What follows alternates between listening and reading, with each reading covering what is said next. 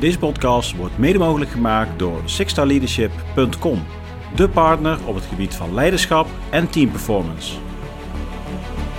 Hallo Patrick hier en leuk dat je weer kijkt of luistert naar een nieuwe aflevering van de Six Star Leadership podcast. Ik mag wederom een generaal verwelkomen en dit keer is dat generaal Mart de Kruijf. Mart de Kruijf is verantwoordelijk geweest als bevelhebber de landstrijdkrachten voor de grote reorganisatie van de landmacht tijdens de financiële crisis. En dan praten we 2011, 2012. En in 2008 is Mart de Kruijf een jaar lang verantwoordelijk geweest als luitenant-generaal voor de internationale troepenmacht in Afghanistan en dan over het zuidelijke gedeelte eh, van dat land. Daarin stuurde hij een troepenmacht aan van maar liefst 45.000 man. En dat een Nederlandse generaal een internationale coalition force aanstuurt van een dusdanige grootte is echt uniek te noemen. En je kunt je voorstellen dat generaal Marten de Kruijf daar het een en ander over te delen heeft. Dus hij deelt hoe hij het opgebouwd heeft, hij deelt leiderschapslessen, hij deelt fantastische anekdotes die hij heeft meegemaakt. Laten we snel naar het gesprek gaan. En ik wens je heel veel plezier bij het bekijken en beluisteren van aflevering nummer 13 van de Six Star Leadership Podcast. Hier is Mart de Kruijf. De missie van de Six Star Leadership Podcast is de unieke verhalen van bijzondere personen te delen met zoveel mogelijk mensen. Jouw hulp is daarbij nodig. Dus vind je het een leuke podcast? Like deze dan en deel deze met je netwerk. Laat een review achter en abonneer je op een van de kanalen. Met jouw hulp zijn wij in staat om deze verhalen met een zo groot mogelijk publiek te delen. Dankjewel. Hey Mart, fijn dat je tijd hebt gemaakt voor dit gesprek. Hartstikke leuk. En uh, ik was uh, de afgelopen weekend was ik natuurlijk jouw, uh, jouw hele mooie boek aan het lezen. ja. Zandhappen. Ja. En uh, ik, ik, heb, ja, ik, ik, ik heb het opgeschreven, want anders dan ga ik het vergeten. Dus dat, was, uh, dat is vanochtend is dit gebeurd. Best leuk. En uh, mijn zoontje van acht jaar, want die zijn natuurlijk op school, maar die zitten natuurlijk gewoon nog veel te veel thuis. Uh, op het moment papa ja. te vervelen. Dus ik zat de laatste hoofdstukken van jouw boek te lezen en hij zegt: Papa, wat is dat voor een boek? Ik zeg: Dat is een boek van de generaal die in Afghanistan de baas was over 20.000 soldaten en daarna nog iets meer. Ik zeg: En die spreek ik vanavond. Wauw, super cool. Ga je zeggen dat je zijn boek hebt gelezen en dat je een fan bent? ja, ja. Dat is dus acht jaar en dat is dan hoe dan zeg maar. Ja, mooi. Dat is gaaf, hè? Dat vind ja. ik mooi. En dat is. Ja. Uh, ja. hoe, hoe, hoe heb jij dat? Want je doet natuurlijk een hoop dingen. We zullen vandaag, denk ik, uh, Ja. aardig wat dingen de revue laten passeren. Ja. Uh, waarom begin ik hiermee? De impact van generaal en datgene wat je gedaan hebt. Ja. Hoe heeft dat jouw leven gevormd tot wat je nu doet? Eh, nou, dit heeft best wel eh, invloed. Eh, toen ik stopte, ehm, ja, het is bijna tien jaar terug, hè? dus 2008, 2009. En dus ik, ja, een stap in de normale loopbaan waarbij je heel veel ervaring krijgt. Maar dit, was wel een extreme stap. Hè? Dat ging eh, als volgt. Volgens mij staat ook wel in het boek, maar dat weet ik niet zeker meer. Peter van belt tegen mij in Havelte. Hij zegt, je gaat naar Afghanistan. En je krijgt er 25.000 man nog eens een keer extra bij. En je gaat niet zes maanden, maar een jaar. En vanaf nu ben jij een doel, maar jouw familie ook. Dus uh, je krijgt een andere deur uh, in je huis, andere voordeur. De politie rijdt door je straat elke week. En we gaan jouw familieachtervolgingstraining geven. Na, eraf. Ja, eraf. Ja, ja, ja. Maar ook jouw kinderen training geven dat ze niet elke dag op dezelfde route, op dezelfde tijdstip naar school gaan. Zijn er vragen. Korte samenvatting. En ja, en dan heb je het gevoel dat je aan iets begint wat echt groots is, maar nog niet begrijpt wat de impact daarvan is. Mm -hmm. Dus uh, ja, dat heeft best wel tot heel veel onzekerheid geleid van God. Denk ik, kan ik dit wel? Hè?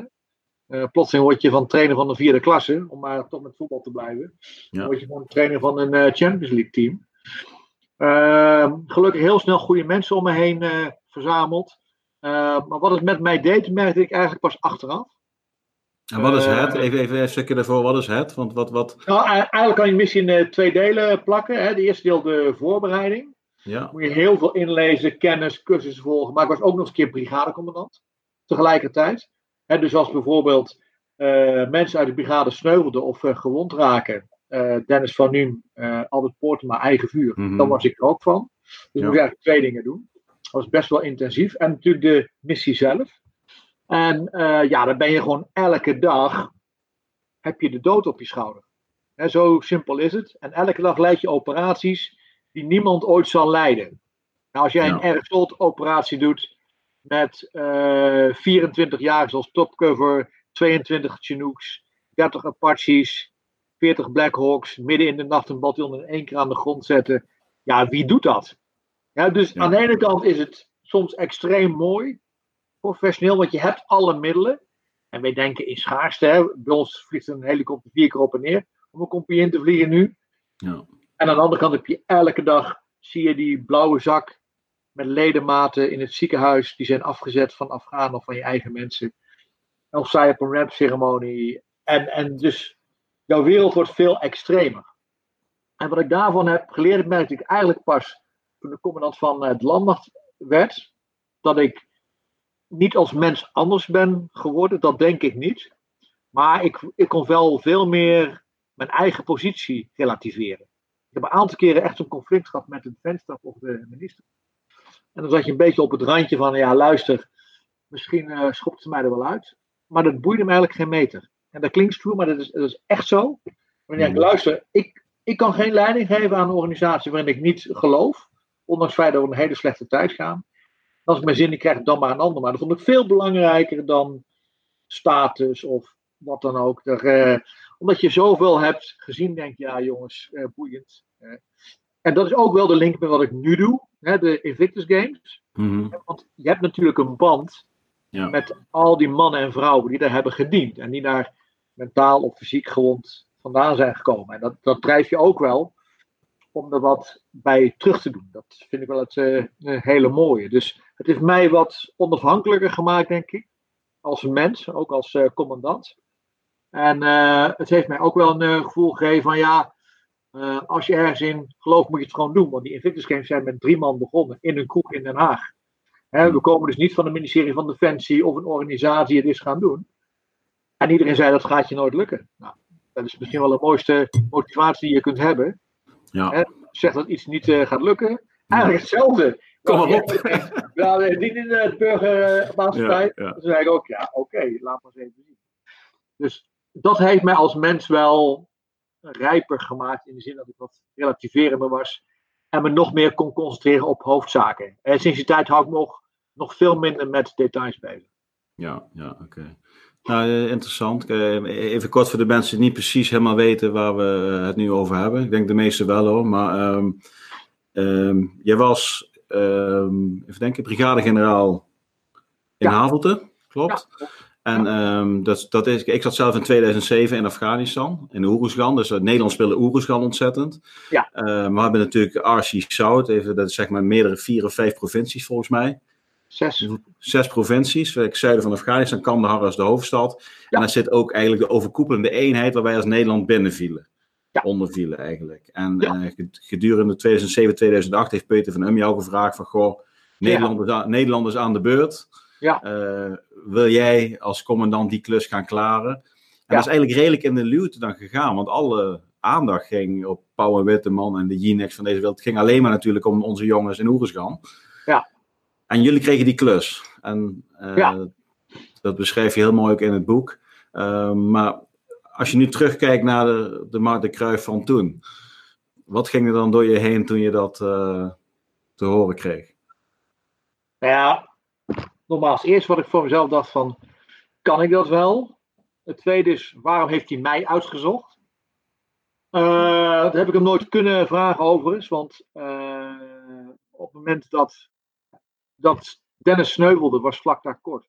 Was vlak daarna. En dan ga je niet meer vragen waarom hij mij naar Afghanistan stuurde. Ja, is eigenlijk vraag twee. En die vraag heb ik hem nooit eh, gesteld, want vlak daarna overleed Dennis. Dus dan ga je niet meer zo'n vraag stellen aan Peter eh, heeft dat echt andere dingen aan hoofd.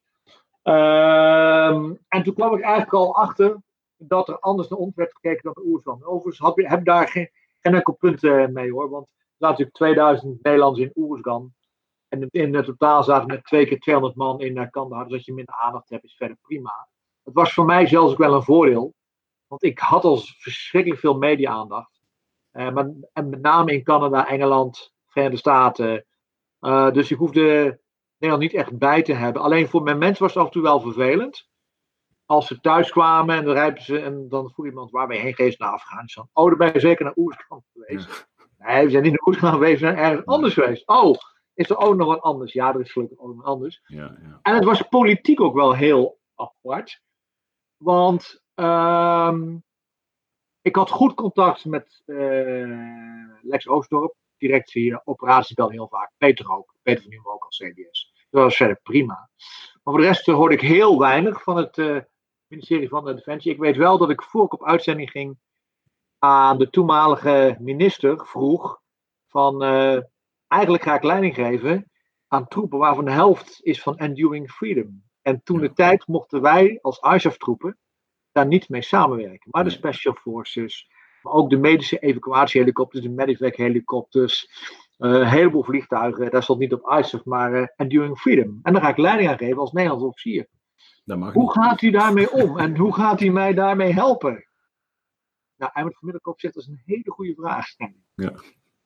En ik heb tot op de dag van vandaag nog geen antwoord gehad. Nee. Dus, eh, maar dat laat ook zien dat je op zo'n positie, ja, dan moet je ook veel meer, ja, slim zijn om niet alleen gelijk te hebben, maar ook je gelijk te gaan krijgen. Want er spelen zoveel belangen op dat niveau dat je ook daar slimmer mee moet omgaan. Je kunt wat minder direct zijn, je moet wat slimmer zijn, wat geduld hebben af en toe. Uh, om toch je zin te krijgen. Dat maakt het iets uh, ingewikkelder. Ja, maar de vraag is gesteld. Kijk, en ik denk dat dat het belangrijkste is voor jezelf. Je hebt de vraag gesteld. Ja. En, nu, en ik ga door. En de vraag ligt bij de juiste persoon. En dat antwoord komt wanneer dat nodig is. Ja, maar als het antwoord niet komt, dan voer ik mijn missie uit. Nou, maar het, het is natuurlijk zo.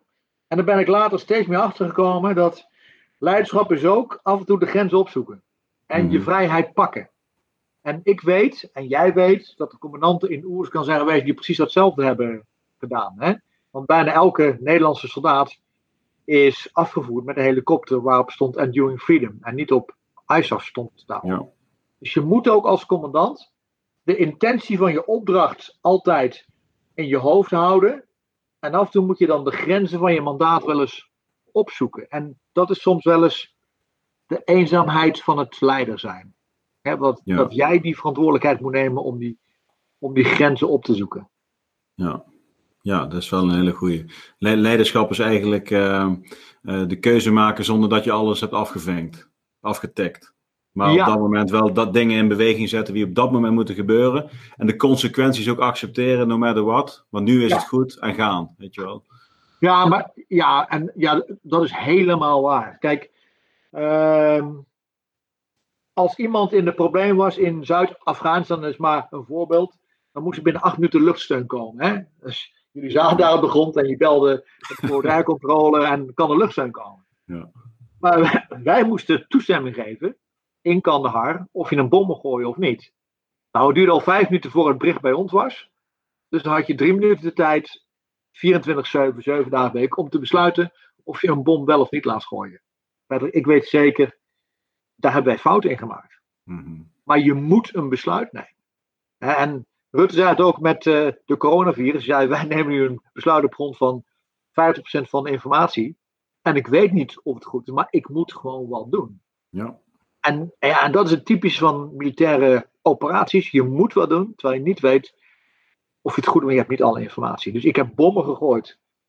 Waarschijnlijk op burgers, wat niet nodig was. Maar ik heb ook geen bommen gegooid waar de eigen mensen ergens snel of geraakt.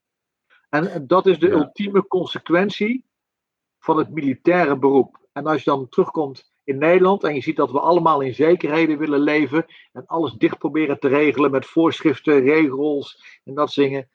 Ja, dat werkt niet. En die coronavirus ons, ja, die, confronteert ons keihard met die werkelijkheid dat wij niet alles controleren. Dat is ons dingen ons overkomen die we niet zien. En daar hebben we moeite mee om daarmee te gaan dealen. Ik denk dat militairen daar op het algemeen wat makkelijker mee om kunnen. Ja, jij, jij omschrijft in je boek ook op een gegeven moment, dat is echt hilarisch, daar kun je even nog wat over vertellen, maar die kleren die jullie graag willen, ja. Die, die, pakken, dat is een mooi verhaal misschien over dat. Maar je, op een gegeven moment zeg je ook van, uh, als het niet kan zoals het moet, dan moet het maar zoals het kan. Ja, ja. En, en, en, dat is natuurlijk wel de, die soldaat met zijn, met zijn voeten op de grond. Die moet handelen met ja. de middelen die je hebt. Ja. Ja. ja, kijk, eigenlijk gaat het terug op het diepe besef, maar dat weet je al wel eerder, dat jij als commandant, jij geeft, de, jij geeft aan waar we heen moeten. Jij zegt dat moet er gebeuren. Je zegt waarom het moet gebeuren en je probeert de randwaarden te scheppen. Maar het succes van een operatie wordt niet door jou bepaald. het succes van een operatie wordt bepaald, zeker in de counterinsurgency, door die sergeant, die wachtmeester met de tien man op de grond. Die bepaalt of jij succes hebt. Ja. En niet andersom. En dat diepe besef moet je, moet je heel goed realiseren. Jij bent alleen maar de richtinggever, de voorwaardenscheppers. En uiteindelijk, en dat vergeten we wel eens, ook degene die verantwoordelijk is als het fout gaat. Maar je moet vertrouwen hebben in die hele lijn naar beneden toe, dat iedereen gewoon zijn stinkende best doet. En als je dat niet hebt, ja, dan ga je in een situatie komen. Heel mooi voorbeeld is generaal Spoor in uh, Indonesië. Mm die had dat vertrouwen niet, had ook niet de ervaring. Dus dan ga je alles doodregelen. Ja, dan werk je jezelf letterlijk uh, dood. Dat werkt niet. Aftraakstactiek, hè, zoals de Duitsers zo mooi zeggen. Dat is echt de sleutel, niet alleen van militair leiderschap, maar eigenlijk overal voor de maatschappij. Ja. Je moet die creativiteit die de mensen hebben, die moet je durven te, uit te dagen, aanboren. Uh, maar ja, dat betekent wel dat je vakmens moet hebben. Dat is één, je moet gewoon prof zijn. Mensen moeten wel een vak verstaan. Uh, je moet uh, vertrouwen hebben in elkaar, van boven naar beneden en van beneden naar boven, anders werkt het niet. En nogmaals, als wat fout gaat, jij bent degene die verantwoordelijk is. En je kunt nooit zeggen, ja, maar ik heb die taskforce heel veel verantwoordelijkheid gegeven. Ik heb het verkloot, zij zijn de schuld. Jij bent degene die uiteindelijk altijd die verantwoordelijkheid draagt. En dat was voor mij heel duidelijk. En daarom heb ik ook naar alle gesneuvelde militairen daar gewoon een brief gestuurd naar nabestaanden, omdat ik vind dat ik ook die verantwoordelijkheid droeg daar. Ja, nabestaanden, je hebt in, in totaal 283 uh, eh, mensen, collega's gesneuveld in jouw tijd als commandant. Ja. Dat betekent ook dat je 283 uh, nabestaanden een persoonlijke brief hebt gestuurd. Ja. Hoe, hoe, heftig is dat als je dat allemaal terug gaat denken, wat er uh, door je hoofd is gegaan? Ja, dat is heel dubbel. Kijk, mijn staf die bereidt dat voor. Hè? Dus je levert de informatie aan en ik schrijf dan die uh, brief. Um, aan de ene kant is het weer werk, hè? maar je mhm. voelt het niet als werk. Je, je, je voelt ook dat je, ook is het maar 0,001% iets bijdraagt aan die mensen toch een troost geven dat het offer wat ze hebben gedaan uh, ook wordt gezien door anderen. En dat drijft je om dat te gaan doen. Mhm. Dus uh, ik, ik, heb het nooit als een opgave gezien. Uh, maar uh, meer als iets van, ja, dit, dit, dit, hoort bij het commandant zijn. En dit is eigenlijk de essentie van het commandant zijn. Deden je voorgangers dat ook, of was het iets wat je zelf bent gaan doen? Is dat een protocol wat jullie uh, op dat nee, niveau met elkaar afspreken? Nee, mijn voorganger zei dat niet. En mijn opvolger ook niet. Nee. Okay. Nou, dat is mooi. Mooi dat jij dat gedaan hebt. Uh, maar als je in jouw boek, um, je hebt het regelmatig over uh, ja, wij, wij Nederlanders, wij, wij, wij vinden onszelf soms uh, bepaalde dingen uniek. En uh, ik denk ja. dat we bepaalde dingen zijn we ook uniek en in bepaalde dingen zijn we ook heel erg goed. Um, uh, maar je hebt het net over zeg maar, die, die, die, die vrijheid geven, uh, een stukje dat vertrouwen van boven naar onder. Uh, in mijn beleving is dat echt Nederlands. Maar je hebt natuurlijk met iets van 24 nationaliteiten gewerkt, daar verschillende commandolijnen. zag je dat verschil tussen in culturen, bijvoorbeeld met de Amerikanen, de Nederlanders, de Engelsen, de Duitsers? Ja, ja kijk, je, je, je kunt nooit zeggen Duitsers zijn of Amerikanen zijn zo, want binnen die cultuur zijn heel veel verschillen. Bijvoorbeeld binnen het US Marine Corps zag ik veel meer aftaakstactiek dan bij de US Army.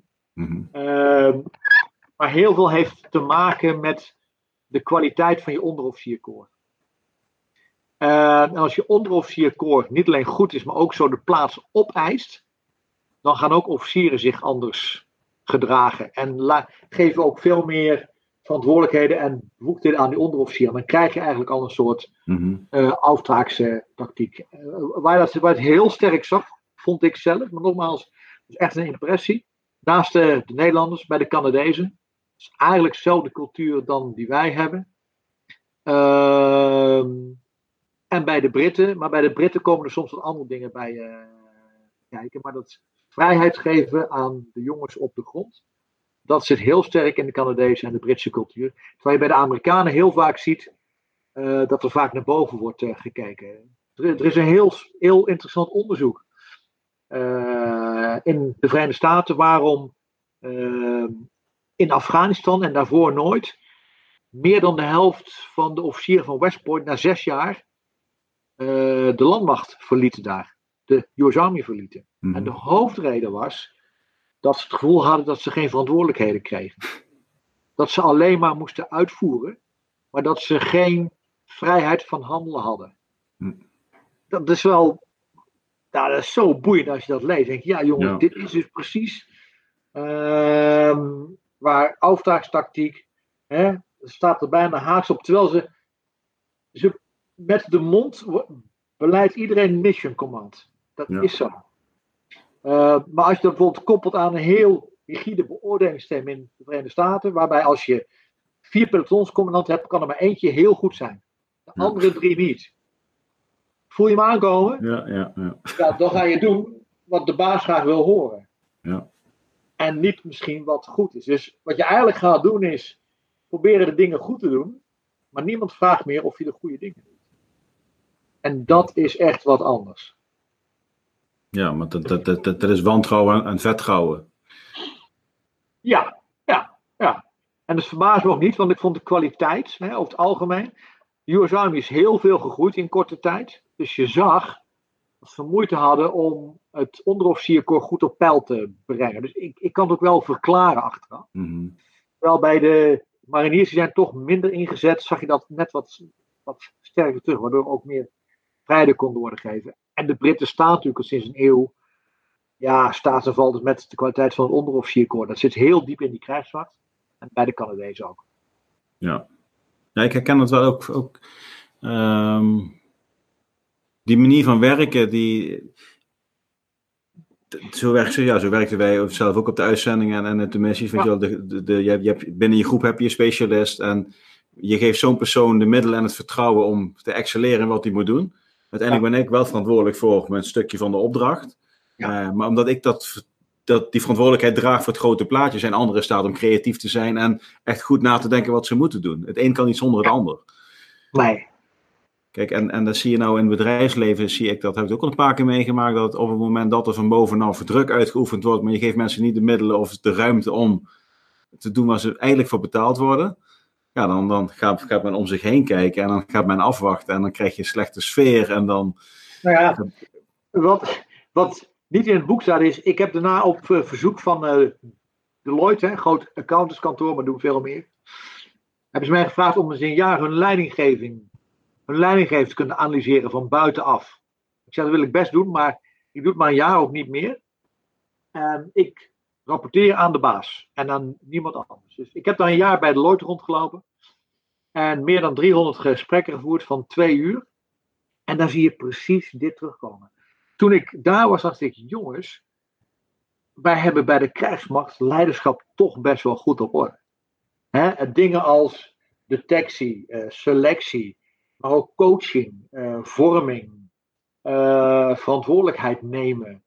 Eh, ja, daar zijn wij echt veel verder in dan veel organisaties als Deloitte. Overigens kunnen ze er ook veroorloven, hè? want als je bakken met winst maakt, maar er stroomt per jaar 20% van je personeel uit, zal het je jeuken, want je haalt wel 20% binnen. Maar als je dieper graaft, zie je problemen bijvoorbeeld qua integriteit. Vrij veel integriteitsschendingen daar. Ehm, coaching die echt faalt, waardoor mensen op resultaat worden afgerekend. Dus gaan ze ook zich op resultaten richten. Maar niet op wat misschien wel op lange termijn beter is voor het eh, bedrijf. Het mooie is, daar staan ze ook wel voor open. Dat is weer het mooie van het bedrijfsleven. Hè? Het is niet Ja. zo dat je tegen de muur lult. Hè, dan gebeurt er ook wat. Maar je zag wel dat, als je praat over de leidinggever, dat wij dat goed hebben gedaan. Toch maak ik mij daar wel zorgen om. Want ik heb natuurlijk die bezuinigingen moeten doorvoeren bij de KL. Mhm. Eh, en wat we eigenlijk hebben gedaan de afgelopen 20 jaar is zoveel bezuinigen dat we ook het leiderschap zijn gaan eroderen. Ja, als je vroeger keek hoeveel tijd we besteden aan opleiding van onderofficier en officier. En er zat niet alleen maar vaardigheden leren in, maar ook zat daar vorming in. Echt Mhm. vorming zat daarin. Die hebben bijna allemaal vanwege tijdgebrek eruit gehaald. En, en het rare is, dan gebeurt er dus een mortierongeval in Mali. Er gebeuren ongelukken met hitteletsels in Nederland. En wat gaan we doen? We gaan dan een aparte directie veiligheid oprichten. Ik denk dat de fout veel meer ligt in het feit dat we vorming hebben weggehaald bij de kaderleiding. Mhm. als jij een sportinstructeur per compie hebt en een kaderlid weet ook iets van fysieke vorming, dan komen er veel minder hitlessen omdat mensen veel eerder ingrijpen en hun mensen kennen. Dus daar maak ik me wel zorgen over bij Defensie. Je moet terug naar echt die vormende aspecten, want dat maakt leiderschap bij Defensie echt anders dan overal. En, wat, wat zijn dan, wat betreft jou, de, de zwaarste pijlers op, wat betreft vorming? Ehm, vorming is eigenlijk dat je mensen leert niet wat ze moeten denken, maar hoe ze moeten denken. Mhm. Dat, dat klinkt heel abstract, maar eigenlijk is het zo. Dus als je voorschrift niet werkt, moet je toch je opdracht kunnen uitvoeren, dus je pas je maar aan aan de omstandigheden. Je moet je mensen leren denken en dat, dat, dat, is, dat is ongelooflijk moeilijk. Eh, maar als je mensen leert denken, zul je zien dat je ook, en dat is ook bewezen, ook wetenschappelijk, je hebt niet alleen veel minder veiligheidsincidenten, maar ook veel minder, veel minder integriteitsincidenten. Mhm. Want mensen weten dat eh, jij 24 uur per dag verantwoordelijk bent voor het wel en wee van jouw soldaten. Dus ook als de Xenopoort s'avonds dicht is, dat is ook een stukje vorming. Maar vorming is ook dat je je eigen fysieke en mentale grenzen leert kennen in jouw opleiding. Hè? Dus dat je ook af en toe dat in je opleiding meeneemt. Dat je ook mensen de grenzen af en toe bewust laat raken om te laten zien wat dat met ze doet. Dus vorming heeft ook een fysiek en mentaal aspect. En eh, nou het KCT, Controep, is natuurlijk het grote voorbeeld van. Want die hebben zo'n filosofie dat je heel veel moet kunnen fysiek, maar ook mentaal. Hè? Je maakt geen gebruik van burgerhulpmiddelen, je gaat niet naar de boer, je pakt niet op een fiets. En ook al zit je in de laatste dag van de show, als het wel doet, word je eruit gegooid. Dat, dat, dat, dat, dat, brengt de cultuur dat iedereen elkaar blindelings daar vertrouwt. Want iedereen weet, niemand zoekt een zijweg. Niemand zoekt een zijweg. Als Kevin van der Rijt buiten ligt en eh, zwaar gewond eh, en eh Gijs Tuymel zit met zes man in de Kwala, dan weet iedereen, wij laten hem niet achter. Wij gaan terug. Dus het is dat leidt ook tot operationele effectiviteit. En dat is vorming. Ja, het zijn onvoorwaardelijke gedragsregels met elkaar. Ja. Waar je altijd op. eh, nou, een heel stom burgervoorbeeldje. Eh, ik denk dat hij wel eh, met deze. ik ga het niet vergelijken met iets wat in Afghanistan gebeurd is, dan, maar. ehm, ik heb een keer bij een bedrijf gewerkt waar we ook veel via conference calls deden. En eh er was afspraak van jongens, oortjes in. Want als je met een klant praat, dat ziet er professioneler uit en dat gaan we gewoon doen. Dus ook met elkaar, zeg maar. Weten we ieder geval zeker dat de kwaliteit goed is. Je hebt geen oortjes in, Mark, dus het gaat even niet om jou, hè? Nee, Oké. Dus we hadden. Nee, dus, Ik dus heb- ik zeg. ik heb wel bij hem, hè? Kijk. Dus ehm, met team afgesproken, oortjes in. En eh, ja, dan, dus hier één dag later heeft iemand zijn oortjes neer. Ik zei, jongen, dit ding erin. Hebben afgesproken, weet je wel. Ja, maar ik heb goed geluid. Ik zei, maar ik, jongens, het gaat niet om het geluid. Het gaat erom dat wij gisteren die afspraak hebben gemaakt.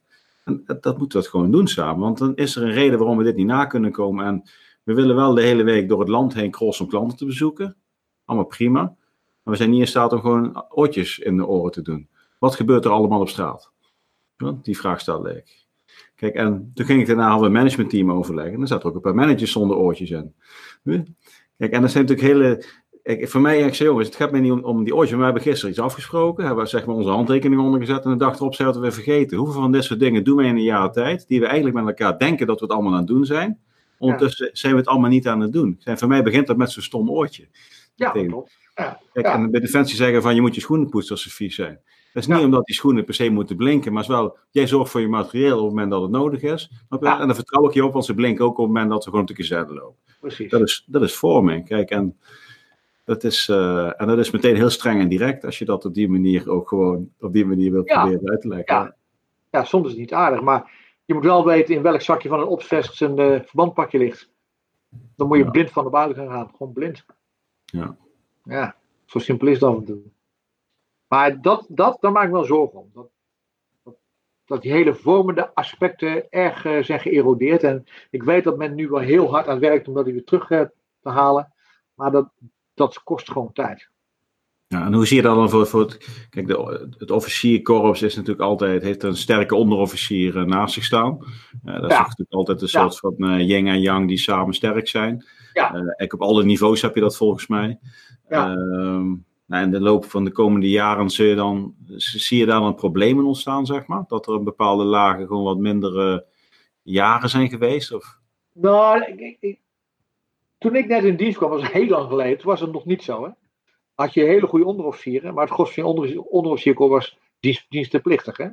Dus uh, je zag toen heel veel officieren, en daar heb ik zelf ook schilder aan gemaakt, die heel uh, directief een peloton leiden of een ja. leiden. Hè?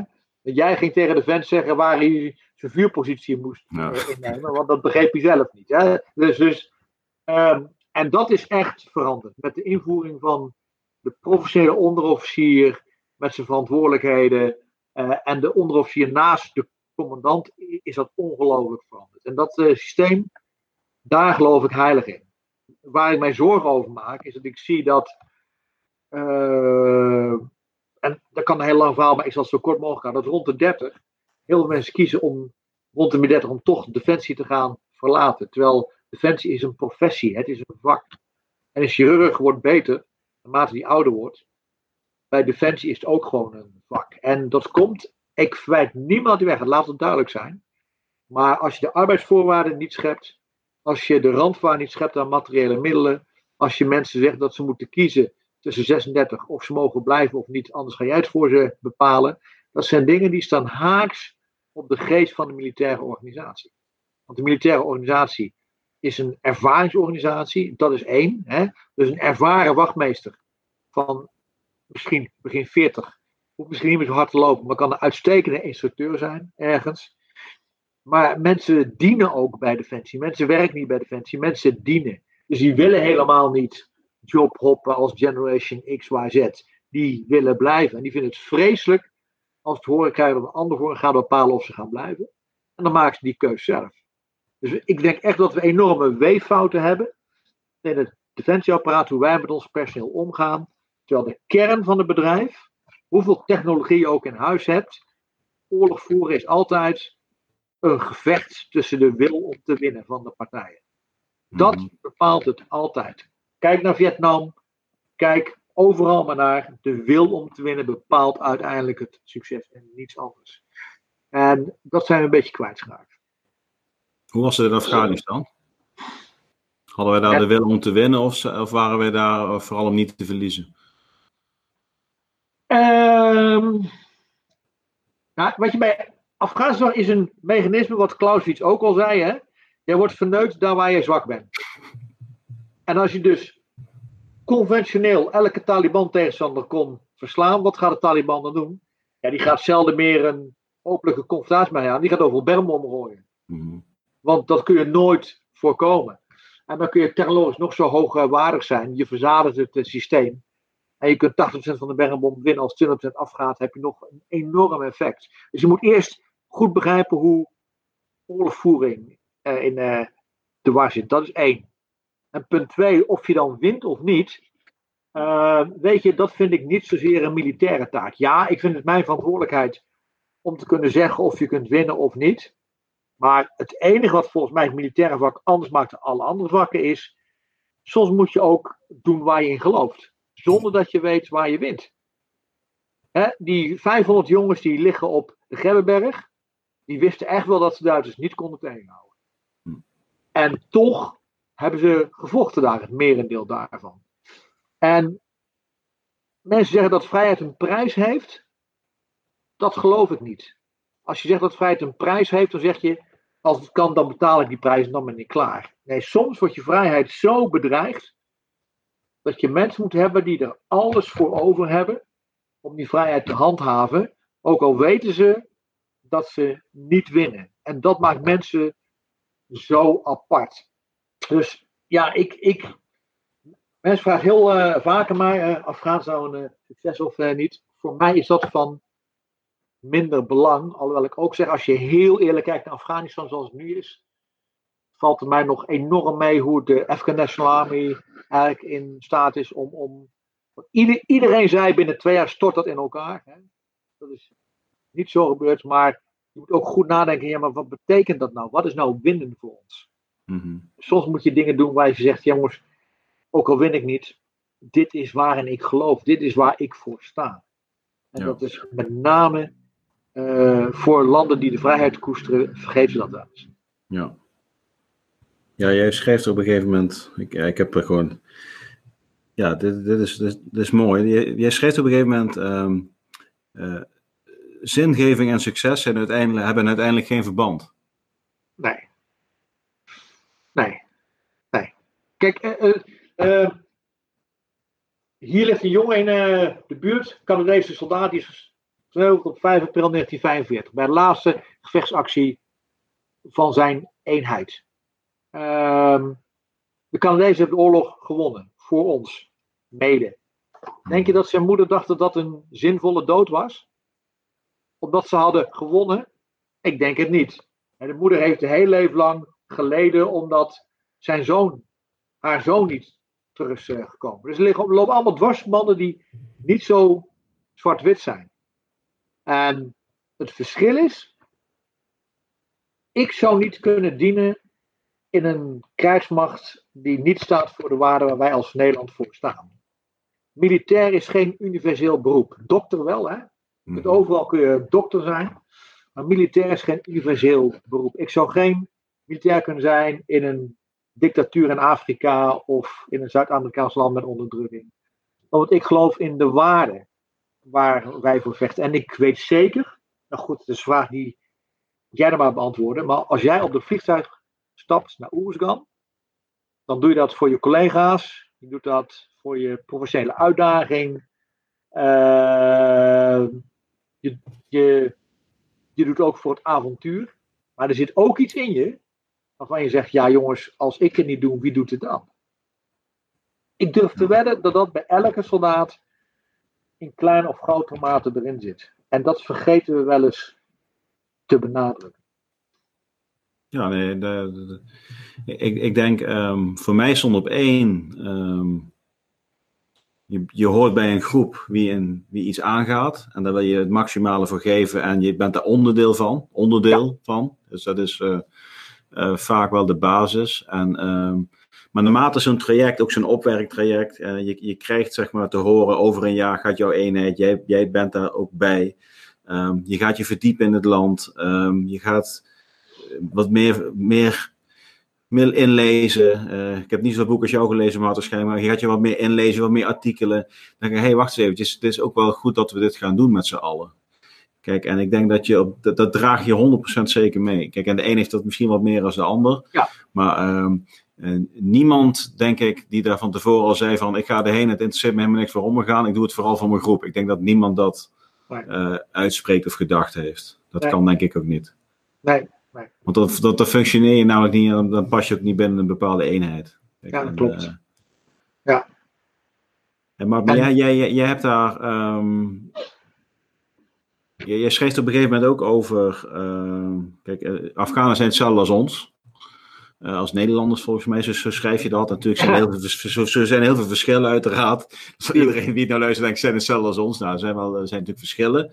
Eh, Maar we zijn allemaal mensen. We hebben allemaal behoefte aan de basisdingen waar elk mens naar hunkert.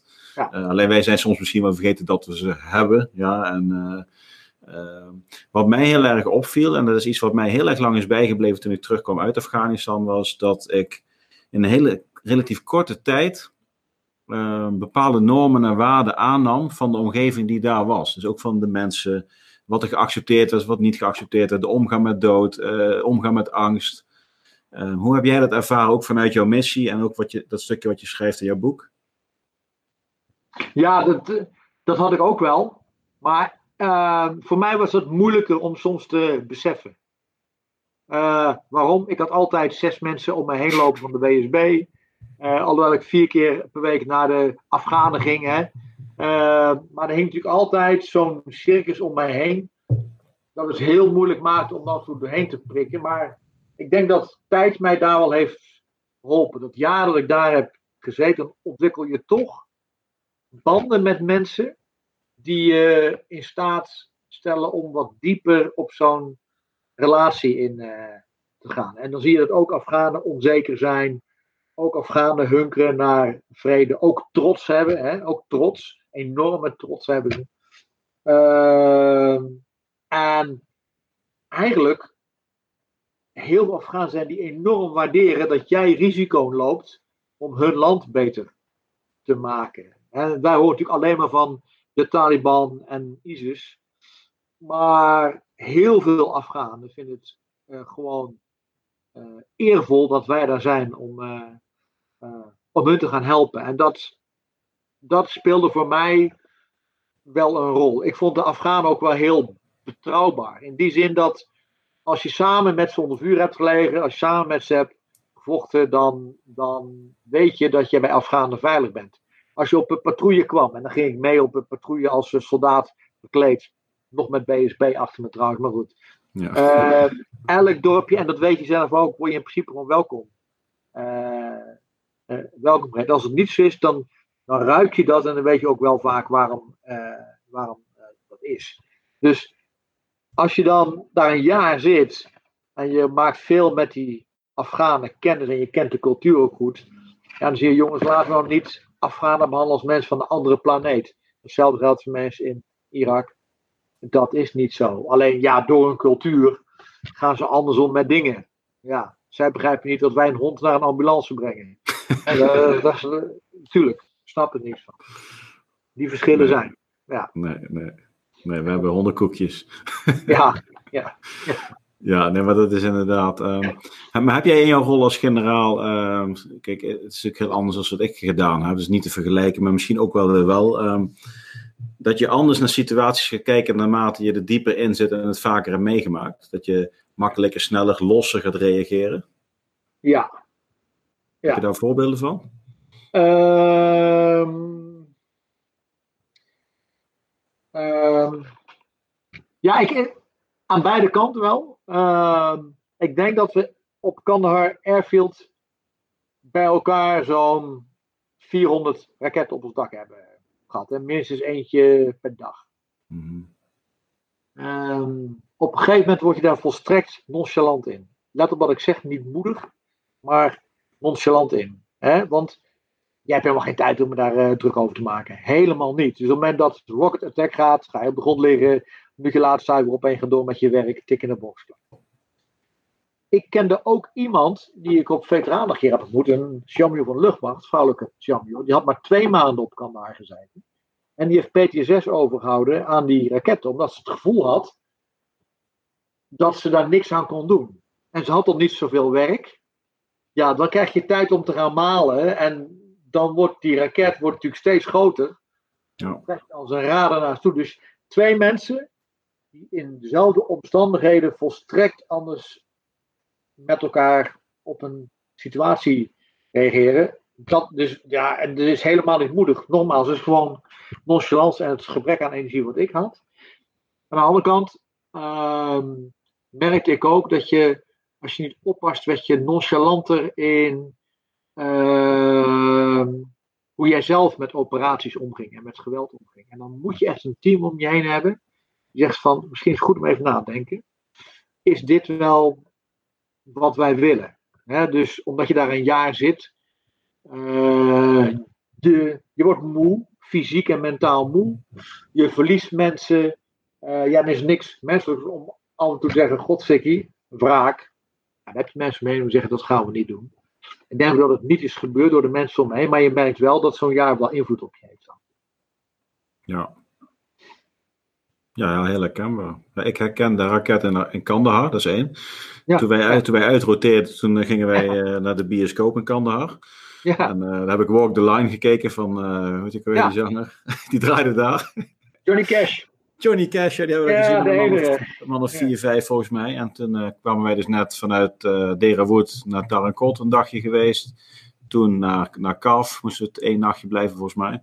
En toen was er luchtalarm. Ik zag ze allemaal rondrennen daar. Wij dachten echt van, wat zijn ze hier aan het doen, joh?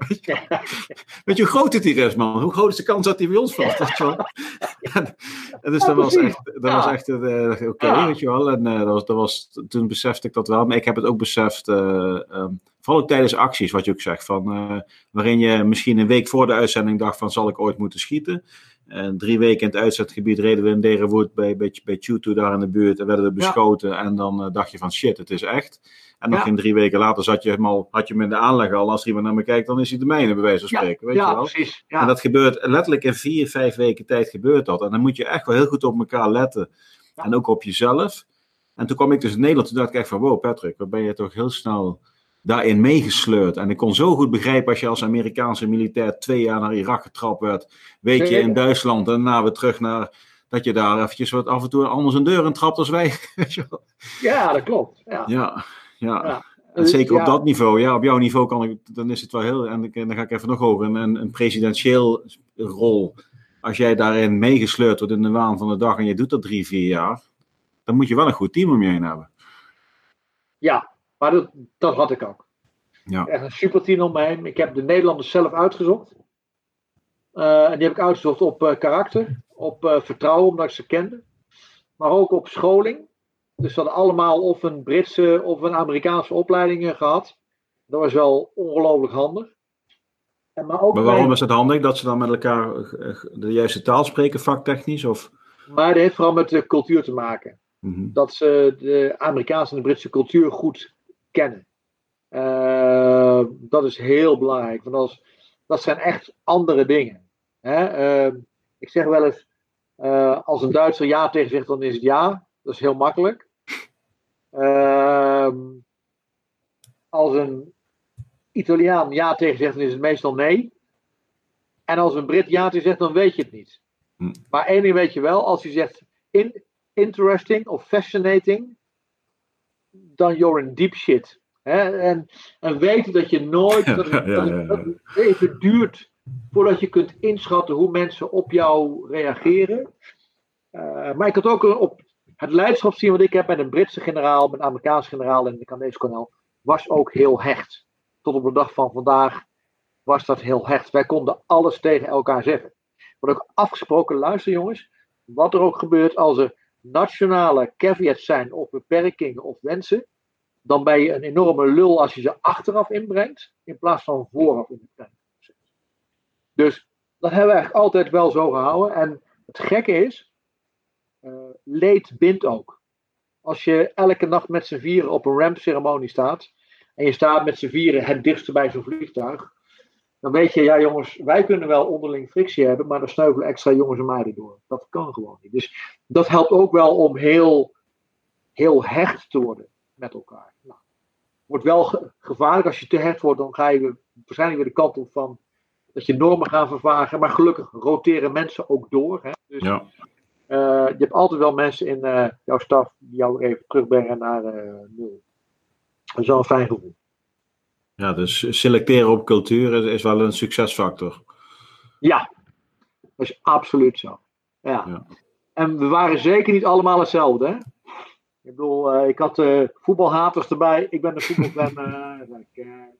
Uh, maar andere mensen bij elkaar brengen. Ik, ik had bijvoorbeeld een vrouwelijke juriste, kolonel. En die snelle, fenomenaal. Als je praat over het gooien van een bom of niet die kan binnen 30 seconden een feilloze analyse maken. Voor de rest kon ze niks. Maar dat doen, inbrengen, dat team. Weer galoos, echt. Weer galoos. En dat ze mensen hebben, ja, dat is fantastisch. Die hem opbloeien daar. Ja, maar hoe kom je bij zo'n persoon uit dan? Is dat omdat je uh, daarin ook mensen raadpleegt van dit wordt mijn missie, dit is een opdracht, denk eens mee, hoe gaat dat? Nee, alleen bij uh, de topfunctionaris werd ik uh, geraadpleegd. Uh, dus uh, we hadden ongeveer 200 Nederlanders in uh, een stad. Zeg maar 150 stafmensen. Ik had een close protection peloton met vier patria's en 30 man. En de rest van de mensen dicht om mij heen, die koos ik wel zelf. Ik had een dagboekschrijver. Die moest elke dag, dat is een historicus, moest je alles opschrijven wat er gebeurd was. 50, 60 pagina's per dag. Er liggen nu 12.000 pagina's bij het Nederlands Instituut voor Militaire Historie met alle besluiten en waarom. Ja, die moet je zelf wel uitkiezen, want die is overal bij. Dat is een vertrouwensband. Uh, dus maar met zo'n man praat je ook los van de feiten over wat er dan uh, gebeurd is, uh, ja. of, of the record, zeg maar. Ja, ook. Dus, ja. Dat was toch wel een cultuurdingetje trouwens. Ik ging gewoon s'avonds liep ik door de staf heen als ik even tijd had. Ja, dat doet een Britse generaal nooit. Nooit. Een Amerikaanse generaal ook niet. Dus waar ze in het begin wel even van ondaan. uh, dan ga je slap hoe als je een Arsenal speelt. Ziet, een pakje doen. Of weet je als, uh, als je een paar keer doet, dan, uh, dan werd dat wel. Dat is typisch Holland. Dus volgens mij hebben ze het altijd vreemd gevonden. Ja. Fuck, dan komt die generaal weer. Ja. Even een rondje doen, even een bakje doen. even een rondje, even een bakje doen. Dat. Ja, maar dat is wel leuk, ja, dat is wel leuk. En dat wordt denk ik wel heel erg gewaardeerd. Ik denk dat het ook de dingen zijn die uiteindelijk uh, voor een nog diepere binding zorgen binnen het grote geheel, als je dat doet. Ja, tot op de dag van uh, vandaag heb ik met heel veel mensen veel contact. Echt heel ja. veel uit die tijd. Ja. Dus dat is wel super mooi. Ja, ja mooi stel. Hey, maar, je bent... maar dat heb jij ook, neem ik aan. Wat dat heb ik? er nog steeds is. Ja, joh, goh, nee, 100%. Nee, ja, je ziet ze achter hangen volgens mij. 42 ja. BV, ja, ik, ik zie Ja, nee, we, ik heb, we hebben, um, wij zijn met BVE zijn wij natuurlijk opgeknipt, want we zijn binnen 13 luchtmobiel zijn wij dan uh, Alpha Bravo en Charlie team. Uh, dus ja, het, het, twee pelotons uh, Tarancot en wij gingen bij Erik dan bij Bravo team Berenwood. Ja. Um, ja, twee van de BVE is ook een hele mooie eenheid, wat, wat heel Zeker. hecht is. Is knus, is klein en wij, wij vinden onszelf ook heel goed. Ja. En, en daar, daar, werkt ook heel hard voor. En ik ga nog ieder jaar naar, een, uh, naar de onderofficiersborrel. Uh, oh. Johan de Jongens, die is nou regiment, zoals je dan ja. bekend. Daar heb ik veel contact mee nog. Blijf ja. altijd pitten. En één of twee keer per jaar heb ik met die gasten achter mij uh, hebben we nog reunietjes. En daar houden we al twaalf jaar vol. Mooi, ja. ja, ik, uh, dat is fantastisch, ja. En, ja met, met, met het hele team, het commandteam, zien we elk jaar alle, alle vrouwen erbij. Elk jaar komen we samen. Ja, dan komen natuurlijk steeds meer kinderen bij ons. En uh, dat is ook heel wij, wij, zijn trouwens de meest vruchtbare groep van de eenheid. Dus dat is ook wel. Uh, dat, die tijd hebben wij gehad. Dat is weer mijn voordeel. Daar zijn we ook heel trots op met z'n allen. En wat, wat ook wel, wel, wel, wel, leuk is, is dat. Uh, ja, ik, was natuurlijk, ik was de groepscommandant, dus we blijven vaak bij mij slapen dan. Want ik, ik ja. organiseer het ook vaak, maar ik vind het ook gewoon heel dankbaar werk. En, maar ieder jaar komt er weer een nieuw stukje bij het verhaal bij wat we nog niet wisten. En dat, dat ja. blijf ik zo bijzonder vinden dat er dan je denkt alles te weten en je denkt het voor de tiende keer te herhalen. En je, je zit weer te wachten op die ene grap die ieder jaar terugkomt. En in één keer komt, nee, maar wist je niet dat dit en dit ook, hè? Nee, ja, want oh, nooit iets zegt. En ieder jaar bouwt zich dat weer op. En dat is ja. dan toch, ja. ja, dat vind ik zo fantastisch. En, dat is, uh... en gelukkig zijn we met z'n allen gezond teruggekomen. Kijk, en dat is, uh, ja. dat is het. Niet zo onze, onze groep dan. Kijk, niet van onze eenheid, maar... Uh... Hey Maartje, maar je, je bent er naar uh, commandant landstrijdkrachten uh, bij je geworden. Je bent er ja. verantwoordelijk geweest voor, de, voor een redelijk uh, pittige periode wat betreft financiële crisis in die ja. tijd. Ja. Hoe, hoe is dat uiteindelijk voor jou uitgepakt? Want je bent volgens mij na die rol, ben je met functie en leeftijdsontslag gegaan? Of hoe is het? Ja, wat ja. Ik, ik ben eerst even anderhalf jaar plaatsvanger geweest bij Rob Betteler. En daarna overgenomen. ja, ik vond een vreselijk mooie baan. Alleen in een klote context. En context van uh, krimp. En uh, besluiten uitvoeren uh, die ongelooflijk veel pijn deden bij de keil. Dus je was meer, je was niet aan het bouwen, maar je was puin aan het ruimen en de schade aan het heffen. Goed, iemand moet dat doen, dus daar klaag ik dan niet over. maar ik merkte wel dat uh, mijn geloofwaardigheid, naar met name de bestuurstaf. Uh, nou, laat ik anders zeggen, mijn krediet had ik na 4,5 jaar wel verspeeld. Omdat ik in een aantal dingen toch echt de confrontatie zocht. Mm. Ook een beetje gebaseerd op Afghanistan. Kijk, uh, als mensen zeggen je moet 40 miljoen euro bezuinigen op de landmacht, kan dat leuk vinden of niet. Uh, maar uiteindelijk moet je het accepteren of een ander gaat dat doen. Maar hoe er wordt bezuinigd. Ja. Het kan niet zo zijn dat een of andere burgers gaan 16 achter een bureau in Den Haag bepaalt of we wel of niet tanks nodig hebben. Of wij wel of niet de legerpas Assen moeten sluiten of wij weer zo'n bataljon op Dus ik heb toen twee keer echt met, uh, met, zeg maar met uh, het breekijzer ben ik naar Den Haag gegaan. De eerste keer was. Uh, de storm Ja, ja. De eerste keer was toen ze Assen wilden gaan sluiten. Uh, 13e bataljon zou naar Ermelo gaan, 45 opheffen. Ik zeg, het slaat helemaal nergens op. Het slaat helemaal nergens op. Dus ik ben aan de CDS heb ik belet gevraagd tot Middendorp om bij de minister te mogen praten. Als je dat doet, is het heel formeel, maar dat deed ik. En meestal is het zo, als je zin krijgt, dan is het goed. Als je niet je zin krijgt, dan moet je weggaan. En ik betrapte mij erop dat ik erheen ging dat ik daar geen meter wakker van lag. Uh, maar ik zeg, het kan niet zo zijn dat andere mensen gaan bepalen hoe er wordt bezuinigd bij de KL. Nou, en, en, deze vorige minister, Janine Hennis, die heeft gewoon de guts gehad om te zeggen, nou, als de commandant Naskracht dat vindt, dan gaan we dat doen. Waar een hele staf bij zat. Ja. En de tweede keer was met de tanks, hè, toen we het Duitsers tankbataljon gingen oprichten in de 43e brigade. Hadden we haar naar Hoonvels gehaald. En lieten we haar zien uh, hoe uh, een kopie van 897 werd afgeslacht door twee Duitse Leopard 2A6. Binnen drie minuten. Ja. Goed in scène gezet. Ja. Maar wij spreken tranen in de ogen staan. Zeg, waarom doet niemand iets? Ik zeg, omdat we er niet tegen kunnen. En, uh, en uh, ten nooit vergeten dat uh, laatste vergadering in Den Haag. Toen kwam de hoofddirectie beleid, zei ja, maar tanks zijn uit de tijd. Waarop zei, even heel goed luisteren. wat uit de tijd is, is dat we niet meer voor onze mensen zouden zorgen. En als wij op de grond gevechten willen winnen, hebben we tanks nodig. Dus die tanks met Duitsers komen gewoon. Punt. Dat is hartstikke mooi. Op het moment dat je het doet, voel je ook dat buiten de minister de steun in de rest van zo'n defensiestaf, die raak je gewoon kwijt. Dus ik, ik, ik, ik was ook na 4,5 jaar gewoon moe. Het klinkt raar, maar ik was gewoon moe. Niet bij de KL, vond ik grandioos. En de mensen grandioos. Echt, dat is het mooiste is om te werken met de mensen van de KL, meen ik echt. Maar het voortdurend moeten vechten naar buiten. Om je ding te kunnen en niet de vrijheid van handel hebben. Om dingen te doen waarvan je vindt dat ze zouden moeten doen. Dacht ik, weet je, ik heb geen effect meer in Den Haag. Laat een ander het maar doen. Het is goed zo. En ik ben schitterend weggegaan. Ik ben ook zonder wrok weggegaan. Maar voor mijzelf was wel een periode. Dacht, jongens, na 4,5 jaar ben ik wel klaar. Ook omdat je natuurlijk. Kijk, Otto was commandant Otko in uh, uh, die tijd. En je had brigadecommandant. En je zag die pijn. Zag je doorcijpelen natuurlijk. Hè? Ja, mm-hmm. hoe moet je een autosement draaien met 80 instructeurs? Ja, godverdomme. Ik, ik weet het ook niet. Maar zeg maar, heffen we dan een bataljon op? Dat kan ook niet. Weet je, dat soort keuzes. En dat soort dingen voortdurend met elkaar moeten gaan voeren. En denk je, ja jongens, kom op. Uh, en op een gegeven moment ja, ben je dan uh, je lucht en je krediet kwijt. Zeker in uh, Den Haag, omdat je echt een aantal keren er met gestrekt benen in bent gaan. En ja, dan, dan is het zo goed dat je zegt, nou, ik sluit het af. En laat anderen maar doen. Ja.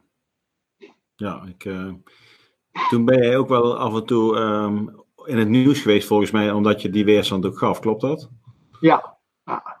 ja. Sterker dus nog. Je, dus je was in, in, Afghanistan was je vooral in het nieuws in het buitenland. Want in Nederland was je de onzichtbare grote leider, noem ik het eventjes. Ja, ja. En hier stond je plotseling aan het front om te knokken voor de eigen troepen.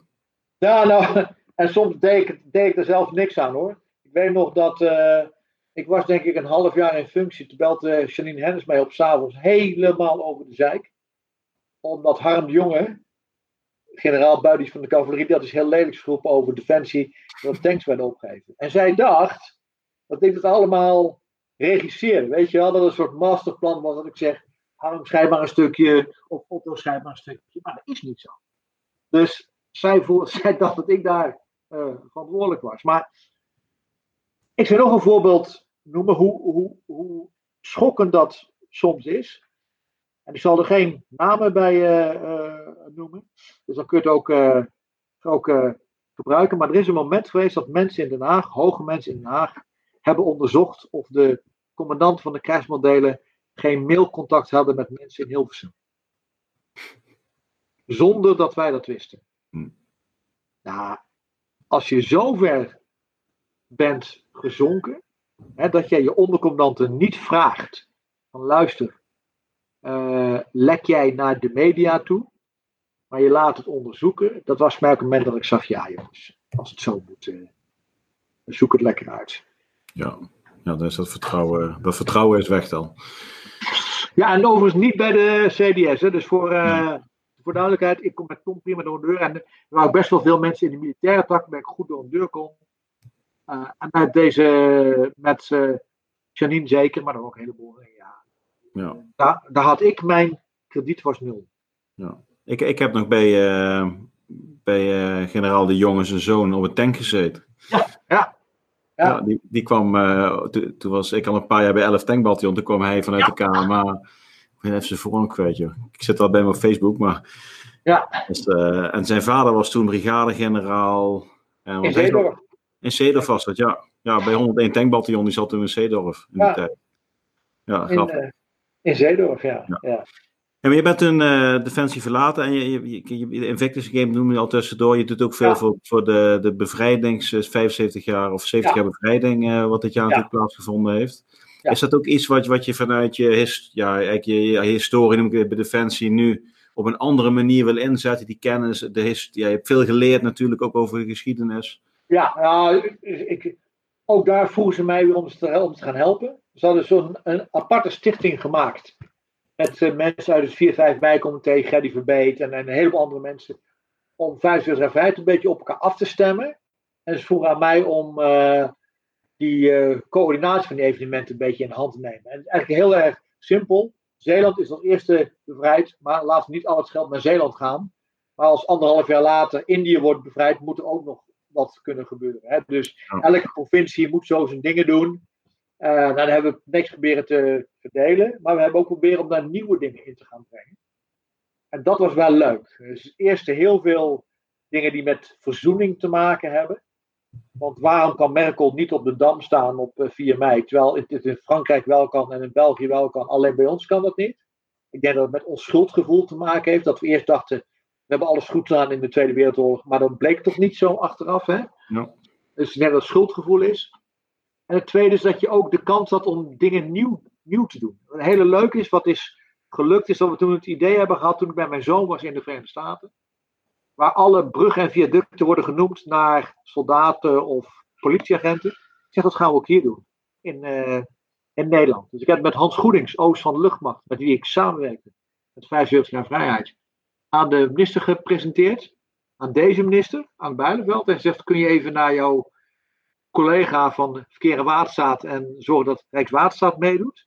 En we hebben toen bij het veteranenplatform neergelegd bij Heinz Scheffer. Nou, de afgelopen weken komt voor het eerst het nieuws dat uh, de eerste viaducten die worden genoemd naar uh, veteranen. Dus je kunt ook daar wel weer wat inbreng hebben. En ik, ik merk wel, dat hoort wel bij mij. Ik, ik ben geen proceduretijger. Ik moet een beetje creatief kunnen zijn, nieuwe dingen kunnen doen vier keer mijn kop stoten, maar wel wat moois eruit maken. Ik ben, ik ben totaal ongeschikt als accountant of, of, of, of, of als, als hoofddirectie finance en control. Dat, uh, ik ben noem geen. Je, uh, noem je ook wel wat op. Maar... Ja, maar, maar ja, ik ben absoluut geen procedure tijger. Ik zie kansen en ik ga ervoor en andere ja. mensen moeten me daar, daarbij helpen. Ja, het, het, moet uiteindelijk ook makkelijk gaan. In de zin van makkelijk. Het moet, het moet voelen alsof het. Het mag best een moeilijke weg zijn, maar het moet makkelijk gaan met de mensen met wie je het moet doen. Want dan is het een goed idee. En ja. als het te stroperig wordt, dan, dan zal het wel niet het juiste moment zijn. En dan ga je door naar iets anders. Ja, ja. En de, de Invictus Games, is dat ook zo ontstaan dan? Nou, de, de Invictus Games is ontstaan omdat. Uh, Connie Wenting, dat is, uh, een, was toen een docent op Nijrode. En die gaf les aan een uh, sportmanagementklas, hoger sportmanagement. Kreeg daar een jaar een cursus. Daar zaten jongens van de raadscommissaris van Ajax, Mark Tuitert, hockeyers. En zij vroeg iemand, zij zocht iemand om lesgeven over leidinggeven in extreme omstandigheden. Haar buurman is Pim uh, Versteeg. Dat is een oud-kapitein van de Pauwscompie van de 11e bataljon, Grenadiers. Die kende mij en die is de IT ingegaan en stinkend rijk geworden. Maar zegt, dan moet je Mart even bellen. Nou, zo, dat heb ik twee, drie jaar gedaan. Maar dan kom je ook met de Paralympisch sport in aanraking. Je komt met Invictus in aanraking. En op avond zaten we in uh, een koer in Den Haag. Wat we na de tafel. En op een gegeven zeiden we, waarom gaan wij die Invictus niet organiseren? Dat gaan we gewoon doen. Zo is het echt gegaan. Met z'n drieën. Uh, dus een heel verhaal. Want toen zouden ze weer niet doorgaan. Wel doorgaan, niet doorgaan. Uiteindelijk... Uh, ruim een jaar later worden we gebeld uit Engeland. Willen jullie komen praten? Met de Invictus Games Foundation, dat is waar Harry de baas van is. Mm-hmm. En we zaten daar 14, 15 januari 2018. En we keken elkaar aan, Connie en ik, en zeiden: Fuck, we zijn de enige. Er zijn geen andere kandidaten. Ja. Er zijn er geen andere kandidaten. Dus uh, we hadden drie weken de tijd om een brief te hebben van de minister-president dat hij financieel garant staat voor eventueel tekort. Dat de NOS alles zou gaan uitzenden. Hij moest een stichting oprichten en een begroting en al dat gelul wat erbij komt. Ja. Hadden, we, hadden we drie weken tijd voor. Stond niet in de folder. Stond in de folder. Daar hadden we drie weken tijd voor en dat is gelukt. En het mooie is, als je daar wat diep mee in aankomt. Kijk, die events zijn voor veteranen fantastisch. Het is zo mooi om te zien wat dat met die gasten doet. En Friends and Family, dat is mooi. Het is vooral ook mooi voor de veteranen in algemene zin. Maar het is eigenlijk voor iedereen mooi. Want al die veteranen zijn in een gat geflikkerd, fysiek of mentaal, of beide soms. En allemaal hebben zes, en soms heeft dat drie jaar geduurd, soms vijf of soms zeven jaar. Als ik doorga met leven, met wat ik niet meer kan, met mijn onvervulde dromen, met mijn beperkingen, dan ga ik kapot. En de mensen om me heen gaan ook kapot. Dus fuck it, ik ga mijn leven anders inrichten. Ik ga doen waarin ik wel goed ben, wat ik wel kan. En er zijn 500 mensen op het Zuiderpark in Den Haag, die alle 500 dit verhaal hebben. Hoe mooi kan het zijn? we hadden 5000 schoolkinderen van groep 7, 8 naar Den Haag gehaald om met die veteranen te gaan praten. Nadat ze een veteraan voor de klas hadden gehad. En dan op de slotceremonie hadden we Coldplay gehad, die zes nummers waren komen. Ja, ja, ja. Met Fix You. Nou, dan was het dak eraf gegaan. Dus zo is het eigenlijk gegaan. En het klinkt raar, maar het was vrij makkelijk, omdat je zoveel steun krijgt. Je, je krijgt zoveel steun van iedereen dat je iets verschillend moois kan maken. En het is gewoon kloot dat het niet doorgaat. Hè, want je had een budget van 18 miljoen euro en dat hadden we. Ah, waar vind je dat? Hadden we gewoon. Maar ja, nou zijn we 8 miljoen euro kwijt aan het afzeggen van de Game 4. Dus we moeten 8 miljoen euro vinden om hem volgend jaar weer door te laten gaan. En dan krijg je eigenlijk waar we net over hadden. De mensen zeggen, nou dat gaat ons niet lukken. Prima, jongens. Je hoeft niet aan boord te blijven. En je mensen zeggen, wat gaat niet lukken? Je, we gaan het gewoon doen. En het gaat ook gewoon lukken. Wij gaan echt nog een week of vier aankondigen dat de Invictus Games in 21 weer in Den Haag komen.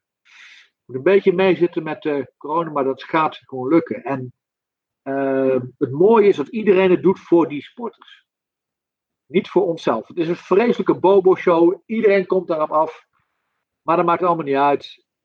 Wat het voor die sporters doet, voor de veteranen, maar vooral voor Nederland zelf. Ja, jongens, dat is zo, onvoorstelbaar, zo onvoorstelbaar wat je daar tegen die sfeer die daar hangt. Ik bedoel, neem die hele club en alle kinderen mee. Daar moet je heen. Daar, daar moet je zien. Daar word je zo stil van als je wat daar gebeurt. Meer of niet doen. Ja. Dat is mooi van de Evictus Camp. Ja. Nee, heel mooi. En heel dankbaar denk ik ook om dat soort dingen te doen. Ja. Ja, maar ook weer dezelfde keuze, hè. Ook weer keuze maken van, ja jongens, als er mensen die er niets in geloven, je mm -hmm. hoeft niet mee, hè. Je hoeft niet ja. mee. Dus die keuze net... Uh, ja. En heb je hier ook weer uh, mensen om je heen verzameld die op een natuurlijke manier bij elkaar zijn gekomen vanuit een bepaalde interesse? Of is dat ook een stukje verleden wat dan weer samenkomt en elkaar weer opnieuw vindt? Nou, beide. Beide. Uh, en en uh, dat is wel leuk, hè? ik, ik ben ook verre van foutloos, hè? Ik bedoel, we hebben tig, tig sport ingehuurd die ook de EK Atletiek zou organiseren. Die doen het sportgedeelte. Fantastisch. We hebben een aantal defensiemensen die voor ons werken, die gedetacheerd zijn. kan ik mee lezen en schrijven. Maar ik heb van het bestuur van zeven man zitten drie mensen in. Ja, die ik niet zo goed kende. Maar die eigenlijk alleen maar bezig zijn met controleren. Terwijl als bestuur moet je vier dingen doen. Je moet besturen, je moet adviseren, je moet motiveren en controleren. Als je alleen maar controleert. Ja, dan mis je een paar. Dan, kom, dan kom je niet verder. En dus dat is zo ontstaan. Dus ik heb nu echt gezegd jongens, als we nieuwe games willen hebben, dan moet ik ook een ander bestuur hebben. Want zo gaat het niet door. Dan zie je, ik blijf ook daarvan leren. Uh, en, en dat is ook leiderschap, jongens. Leiderschap is vooral leren van dingen die je hebt verkloot of die, of die, of die, of die, of die fout zijn gedaan. En wij accepteren zo weinig fouten. Ik heb ook een aantal mensen bij de Invictus Games, uh, bijvoorbeeld een oude marinier, die heeft eens een keer een uh, akkefietje gehad, waardoor hij geen uh, VOG meer krijgt en de koers moest verlaten. Maar toppen van de vent. Wij geven in onze maatschappij mensen geen tweede kans meer. Geen tweede kans meer. Als jij, wat bijna niemand weet, is dat we bij de landmacht 40 jongens en meiden rond hebben lopen. Die helemaal goed zijn gekeurd. Alleen geen VGB krijgen, omdat ze uit de omgeving komen. Dat een godswonder is dat ze geen grote criminele activiteiten hebben ondernomen. Echt een godswonder? Almere, Amsterdam-Oost. En allemaal toppers. En we hebben toen een deal getroffen met Janine Hennis en het, en het uh, ministerie van de VNJ dat wij selecteren ze aan de voorkant. En we zetten ze individueel bij een eenheid neer, bijvoorbeeld bij 42 BV. Daar, daar zit er ook een. En als er iemand 2,5 jaar goed dient, krijgt hij gewoon zijn VGB. Maar we houden stil. En we geven al die gasten zijn tweede kans. En wat, en wat blijkt, 90% slaagt. Ja. Maar we zijn keihard in deze maatschappij. Dat als je geen VGB krijgt, jongen, nou, dan kom je nergens aan de bak. Terwijl we niet kijken, waarom krijgt iemand geen VGB? En wat is zijn achtergrond? Wat is zijn cultuur? Waar komt die vandaan? we moeten mensen ook tweede kansen durven geven. En dat geldt voor die Invictus Games mensen die zichzelf een tweede kans geven. Ook als maatschappij moeten wij veel mensen een tweede kans durven geven. Daar jeuken ja. mijn handen wel eens hoor. Ja. Het is wel interessant. Zie je dan dat het in de basis moet komen van de persoon eerst en daarna krijgen van zijn omgeving? Of zijn er ook gewoon gevallen waar je denkt van nou, de omgeving moet zo iemand uh, eerst weer gaan dragen tot het niveau dat hij het zichzelf weer gaat gunnen? Ja, beide. beide. Maar vaak is het met dit soort jongens en meiden zo dat, je ze, dat het beste is om ze uit hun omgeving te halen. Ja. En om ze een nieuwe start te laten maken. Dat is vaak. Ja. En weet je, als mensen roepen dat de land bijvoorbeeld niet gevuld kan worden, is dat gelul. Want als je, als je kunt vormen, en dan kom ik terug op vorming, en wij kunnen vormen. Ja. Jongens, hoeveel, hoeveel jongens en meiden van 18 jaar zitten ziek thuis en doen niks? En doen niks. Ja. Veel creatiever zijn. Of, of voeren dienstrecht in, wat ze in Noorwegen hebben. Jij gaat in dienst. En als je in dienst gaat, dan kun je de eerste twee jaar vrij studeren op de universiteit. Dus wij komen officiertekort bij de genie. Hup, je haalt ze binnen, 14 maanden in dienst. Daarna gaan ze naar Twente en Delft. Je maakt ze reserveofficier en de eerste twee jaar gratis. En dan staan ze voor in de rij in Noorwegen om dat te doen. Veel creatiever. Echt veel creatiever. Moet je dan, maar als je. Stel dat je, stel dat je dat zou doen, hè, voor de, voor de Nederlandse krijgsmacht. Pak even de landmacht. ehm, Ja. Maar ik denk wel dat je dan heel goed moet nadenken welke rol de huidige mensen die er nu zitten krijgen. Met als doel waarom je dat gaat doen. eh, Ja. om, om zeg maar bepaalde personen binnen te halen. Want wat je vaak als eerste reactie ziet, oh, ze halen nu iedereen al binnen. En ik sta hier. En halen ze dat soort mensen binnen. En ik, ik zit op een ander niveau. Maar als je die mensen een, een rol geeft. En je kunt andere mensen een hoog niveau trekken. ik- Dat schort het dan wel aan vaak als er dat soort ideeën geroepen worden. Als ik heel lomp ben, hè, is als je het niet doet, heb je over 20 jaar geen KL meer. Ja. Want dan, heb, dan gelooft iedereen in technologie. En dan hebben we allemaal spacewapens en cyber en andere dingen. En dan hebben we geen KL meer. Terwijl een hybride oorlogvoering juist menskracht vereist. Dus als jij zegt, als Kamerlid van de landbouw, ja, dat interesseert mij niet eh, zoveel. Dan, dan, dan jij aan je eigen stoelpoten. Dan besef je niet dat sinds we de dienstplicht niet meer hebben, de verbinding tussen krijgsmacht en maatschappij helemaal is verwaterd. Waar kun je die terugbrengen? Vooral bij de landmacht, omdat wij kunnen vormen. Wij kunnen vormen. En daar moet je veel meer uitbuiten. Met reservisten doen we dat, godzijdank, dat gaat goed. Maar je kunt veel meer. Echt veel meer. En laten we eerlijk zijn, eh, we hebben ook een beetje een boevenvak. Ja, ik wil net zeggen, maar boefjes win je geen oorlog. En dat is. eh, ik heb op de plaats. Je, je kent de kazerne in Oorschot, denk ik wel, waar 11 tanks vroeger Ja. zijn, eh, zijn tank zat staan. En dan had je dan dat, dat hek, want daarachter zat dan die. ehm, ja, wat zat dus zo halve rijschool of de, de, de weet ik Ja, zo. ken ik. En op een gegeven moment was het maandagochtend en dan kwam, ja, ik noem even alleen Hans, niet zijn achternaam. En die, die had een Ford Escort, jongen, die kwam naar de hoek omscheuren. En die jaagt zo door die hekken heen. Ja, ja, ja. Dus hij stapt die auto uit met zijn, met zijn Ja. beret half scheef. Hij zei van shit man, ik ben vergeten mijn remblokken eronder te leggen gisteren. Dus ik zeg wat? Dus ik, in zijn kofferbak had hij gewoon al zijn remblokken nog liggen. Weet je wel. Dat soort dingen allemaal. Maar ja, een fantastische tankbestuurder. En hij wist Ja. alles van zijn tank. En ik ga daarmee naar Polen op oefening. En die gozer kon alles. Alleen we twijfelden of hij mee moest om zijn gedrag. Ik zei, jongens, dit zijn fantastische gasten, weet je wel. We gingen stappen in straat om zijn eind de dag voordat we op schietserie gingen. Ja, shit, het liep helemaal uit de hand, weet je wel. Er werden een paar man opgepakt. De waren daar. En, maar de dag erop vertrok die trein dus vanuit Eindhoven 8 richting Hohenfels of weet ik waar we het toen. En Rino Drasco, die oefening had je toen. Ja, ja. En dan, we missen drie man, weet je wel. En kwam een busje de hoek om en dan kwamen ze aan, half verzopen nog en dit en dat. Ja, ja ik vind dat wel geinig, weet je wel. Ja. Want Kijk, dat zijn ook wel de gasten waar je dan met elkaar, daar lach je om, jongen, streep eronder niet meer doen. En maar, wel lachen man. En dan gewoon doorgaan, weet je wel. Ja. Dat, is, eh, Maar dat soort gasten kunnen wij als KL gewoon veel beter handelen dan wie dan ook. Echt waar. Omdat het leiderschap bij ons, want daar ging het over, veel, meer- veel meer is zijn kracht vindt ook in die, in, eh, die vorming. Dat Ja. is echt de kracht van de KL. Ja, ja, Echt mooi. van ja, ja. En dan zei je van, jongen, hey, ehm, prima met die remblokken, maar dat gaan we niet meer doen. Maar dit regelen we even samen, hè. En dan geloof me dat je een ja had en dat werd wel geregeld dan. Kijk, en Ja. dat is... eh, Ja, Of, ik had een vent bij eh, 42 eh BLJ. En die gebruikte thuis drugs, softdrugs. En eh, nooit, nooit in dienst.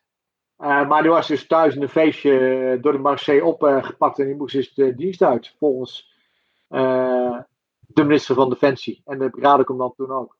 Dat heb ik niet eh, gedaan. Want als je ging kijken wat er met die jongen gebeurde. Hij had zijn moeder verloren, een half jaar daarvoor. Een jaar daarvoor zijn vader verloren. Zijn broer was ernstig ziek. En dat was een fantastische machtschutter. Dat was een fantastische machtschutter. In dienst gebruikte die nooit. Fenomenaal om op te bouwen. Ik zeg, laat die jongen maar binnen. Niet wegsturen. Meesturen op uitzending. Nou, vier maanden bos in geweest. Totaal afgekikt. En loopt nu rond als eh sergeant-major bij de EOD.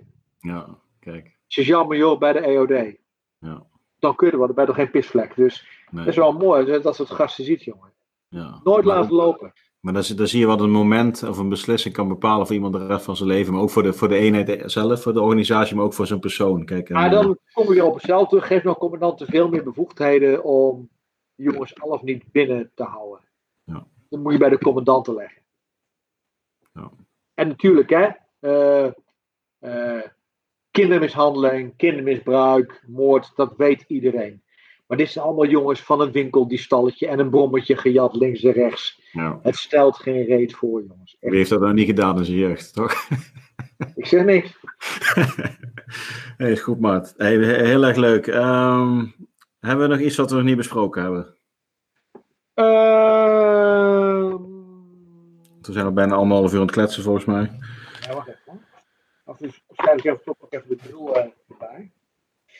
Ik kan mijn eigen Hansen niet meer lezen. Maar die wil ik nog wel vragen. Je kent de Otto, uh, Otto Weggekijn natuurlijk ook samen mee gewerkt. Ja, ik het heel goed. Ja, die vraag heb ik natuurlijk ook al gesteld vorige week toen we elkaar aan de telefoon hadden. Maar heb je nog een leuke anekdote van jullie samen waarin jullie eh, elkaar ergens zijn tegengekomen of iets hebben meegemaakt? Ah, Otto. Ja. Oh, de, We kunnen ook een tweede aflevering starten. Ja, het is wel. Maar. Daar heb ik wel eentje van, ja. Maar. ehm, ik heb er een heleboel van. ja. Sowieso met Otto. Maar goed. ehm, Want jullie zaten ook samen in die, in die, in die bezuinigingstijd. zeker. Ja, zeker. Nee, maar dit. Dit was in. eh we zaten ook samen in eh, Afghanistan. En ik was assistent en hij zat met de legerkorpsstaf. Was hij, eh, zeg maar, eh, hoofd van de opzoom van de current ops in eh, Kabul. En zoals het bij de Amerikanen gaat, van de ene op de andere dag wordt de commandant ontheven. Dus McKinnon werd ontheven. En die had zo'n hele groep officieren om zich heen, dus die ging weg. En McChrystal met een heleboel officieren die kwam binnen. En ja, die hadden Irak gered, vonden ze zelf. Kun je vraagtekens bij zetten. En iedereen in Afghanistan snapte geen reet van. En, ah, niet bij McChrystal zelf, maar veel van die mensen daaromheen. En zij zouden dus wel even laten zien hoe je counterinsurgency moest doen. Dus eh, ik zal nooit vergeten dat generaal May, Mayfield was het. Brian Mayfield, die kwam daar de opschroem binnen. En Otto was er niet. En die begon uit te varen tegen die 60 gasten in de opschroem. Een klote was en nu ging alles anders. En ze, en ze hielpen de baas niet. En een klote en ze rapporteerden slecht.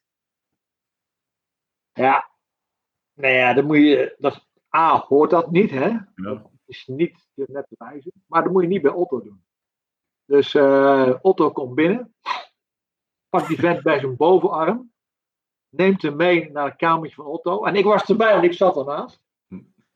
En Otto die gooit die Amerikaanse Wansa-generaal, flikt hem zo in de stoel. Wop.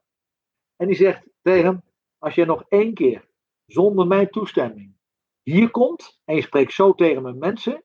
Dan kun je zijn wie je wil, maar ik hoek je. En als je opstaat, dan hoek ik je weer. Jij komt hier nooit meer. Is dat duidelijk? Daar zie, je, zie je dat voor je? Ja, ik zie het voor me. Zie je dat voor je? Ja. Nou, ik, ik, ik tussen mijn broek van lachen inderdaad. Dus nou, dit is nou, dit is nou Alto. Ja. Dus, eh, maar vergis je niet, hè.